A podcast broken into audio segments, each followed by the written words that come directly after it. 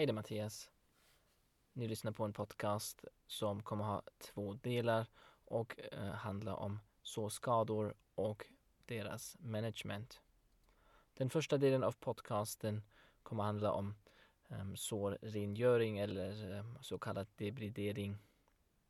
Den andra delen eh, kommer handla om suturering. Vi kommer titta på klassiska sår på både skalle och också extremiteter som uppstår efter trauma. Att ha en bra teknik för sårrengöring anses idag som minst lika viktigt än själva sutureringen så därför kommer vi lägga några minuter på att gå igenom olika tekniker där.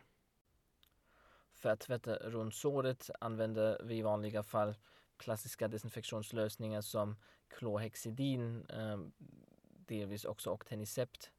Eh, men för dem är det viktigt att komma ihåg att man ska tvätta eller få tvätta med dem runt såret men aldrig i själva såret. De är toxiska ehm, och eh, försämrar sårläkningen så man får gärna tvätta runt såret men aldrig i ehm, såret.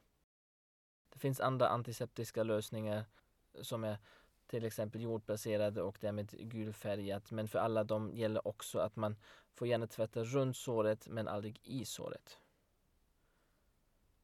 I såret ehm, kan man använda sig av vanlig kranvatten. Det går lika bra som en steril natriumkloridlösning.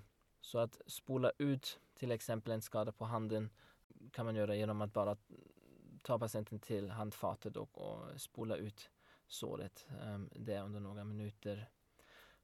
Det är också viktigt att um, försöka inte blötlägga såret helt utan att spola ut den men sen också hålla den torr. Um, att blötlägga såret kan också resultera i sämre sårkant och också försämrad vävnad som man har sen um, att eh, suturera.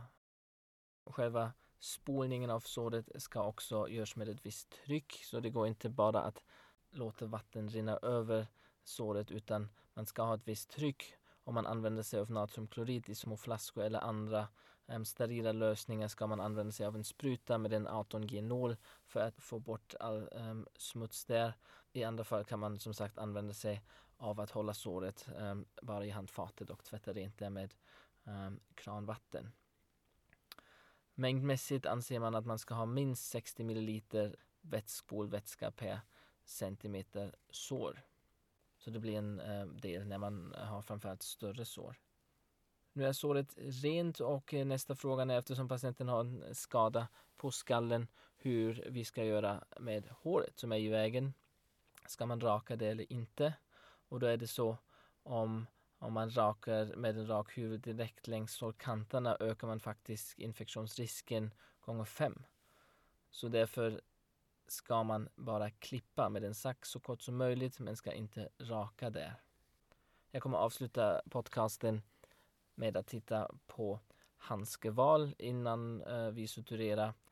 De flesta av uh, läkare använder säkert sterila handskar, eh, särskilt också på grund av den bättre passformen. Men om man undersöker det går det lika bra med osterila handskar. Det finns ingen skillnad i infektionsrisken om man jämför sterila med osterila handskar för suturering. Det var del ett av podcasten om sårskador. Ehm, del två kommer inom kort och då tittar vi lite närmare på suturering och olika tekniker där. Hej!